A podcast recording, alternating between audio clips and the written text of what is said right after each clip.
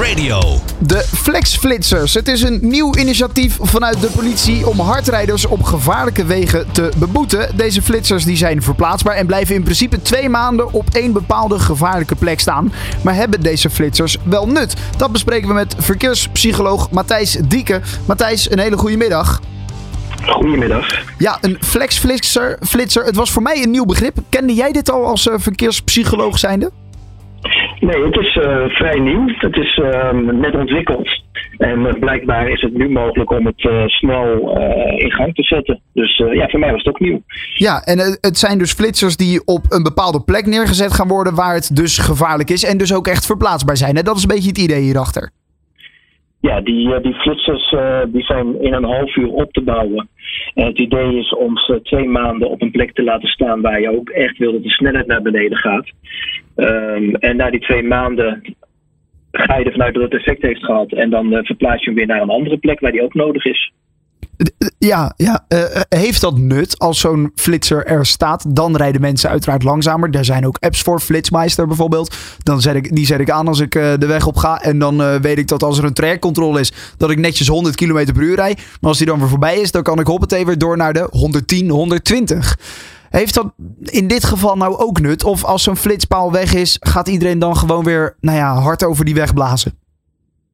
Gelukkig niet iedereen. Maar je kan natuurlijk verwachten op het moment dat hij uh, weggaat, uh, dat er toch een aantal mensen weer hun oude snelheid gaan rijden. Of in ieder geval zich er niet zoveel van aantrekken hard ze ergens mogen, mogen rijden. Um, maar wat je, wat je kunt doen om dat te voorkomen is niet alleen gebruik van zo'n flitser uh, maken, maar daar ook iets omheen bouwen zodat het duidelijker wordt voor mensen waarom ze eigenlijk zich aan de snelheid moeten houden. En wat zouden dat voor, voor dingen kunnen zijn die er omheen gebouwd moeten worden? Nou, bij, bijvoorbeeld om uit te leggen waarom die snelheid zo ontzettend belangrijk is en waarom je daar ook op wil handhaven. Um, we vergeten dat heel vaak, maar snelheid is een, uh, is een hele belangrijke factor in het ontstaan en de afloop van ongevallen. He, dus in het ontstaan, omdat je alles veel sneller moet interpreteren, alles komt sneller op je af. Dus de kans op een ongeval is, is gewoon groter. Maar ten tweede is de, de impact van het ongeval is echt veel hoger. En ook echt veel hoger dan mensen doorgaans denken.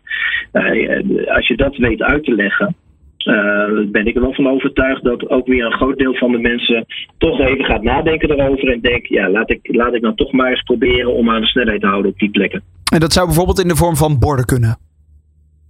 Uh, in, de, in de vorm van borden, maar ik zou ook zeker op de plek waar zo'n uh, flitser staat, uh, in die omgeving, um, ja, um, via radio, televisie, lokale kranten, enige uitleg geven waarom dat gebeurt. Ja. want dat, dat is echt wel een belangrijke voorwaarde om daar een langdurig effect uit te hebben. Dus dat zou een betere manier zijn om te zorgen dat mensen langdurig opletten en zich aan de snelheid houden op bepaalde gevaarlijke wegen. Ja, uh, nu, nu zit ik te denken, ja, je kan er een flex-flitser neerzetten die daar twee maanden staat, waardoor mensen inderdaad twee maanden netjes opletten uh, en, en zich aan de snelheid houden. Maar waarom is het niet mogelijk om daar gewoon een permanente flitser neer te zetten? Ja, nou, eerlijk gezegd is dat mijn gedachte ook wel. Zet er gewoon een permanente flitser neer en overal. Ja. Um, maar uh, dat is natuurlijk niet zo makkelijk. Ik denk dat het qua vergunningen uh, regelen niet zo makkelijk is. Um, en bovendien is het ook vrij duur natuurlijk om op alle plekken in Nederland waar je dat zou willen. Om daar een vaste flitser neer te zetten. Uh, dus het idee van een flexflitser is op zich wel handig, omdat je daarmee op heel veel plekken kunt gaan staan. Maar ja, niet altijd op iedere plek. Dus je, je het gewoon. Ja, en het is geen verdienmodel van de overheid, denk jij? Nee, dat is het zeker, uh, zeker niet. Het gaat echt wel om verkeersveiligheid en daar is ook alle reden toe. Uh, want meer dan 30% van de ongevallen die gebeuren, daar, is snelheid echt de, de belangrijkste factor.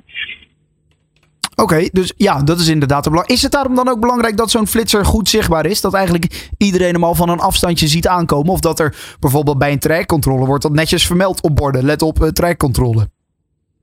Ja, nou kijk, als je op een bepaalde plek uh, de snelheid echt naar beneden wil hebben, dan uh, zou ik zeker aanraden om hem zichtbaar te maken. Het nadeel is natuurlijk wel dat als jij het zichtbaar maakt, dat mensen dan alleen op die plek hun snelheid aanpassen en op andere ja. plekken gewoon weer hun gang gaan. En dat is ook de reden waarom ik vind dat je moet uitleggen waarom je je aan de snelheid moet houden. Want dan is de kans groter dat mensen het ook zonder flitspaal op andere plekken zich ook aan de snelheid houden.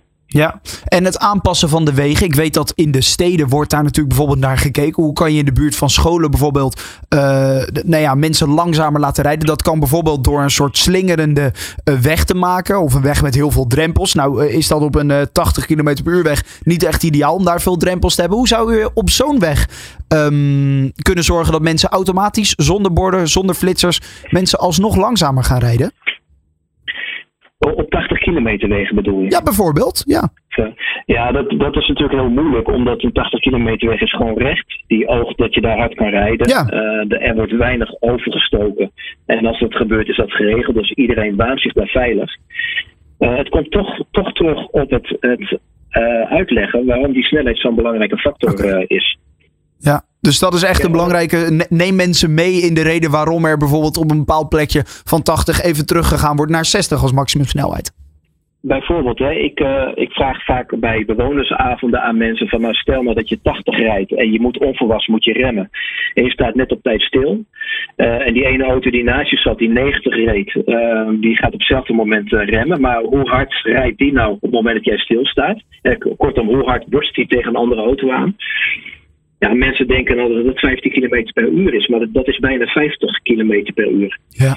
En uh, dat, is de, de, dat zijn uh, snelheden waarbij je overlevingskans echt naar beneden gaat. Dus ja. die, die 10 km per uur harder op een 80 kilometer weg heeft echt een enorme impact. Ja.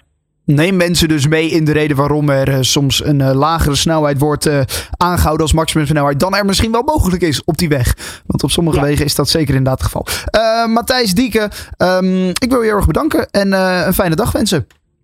Uitstekend, dankjewel. Okay. Waar je ook heen rijdt, wij gaan met je mee van A naar B. Traffic Radio, always on the road.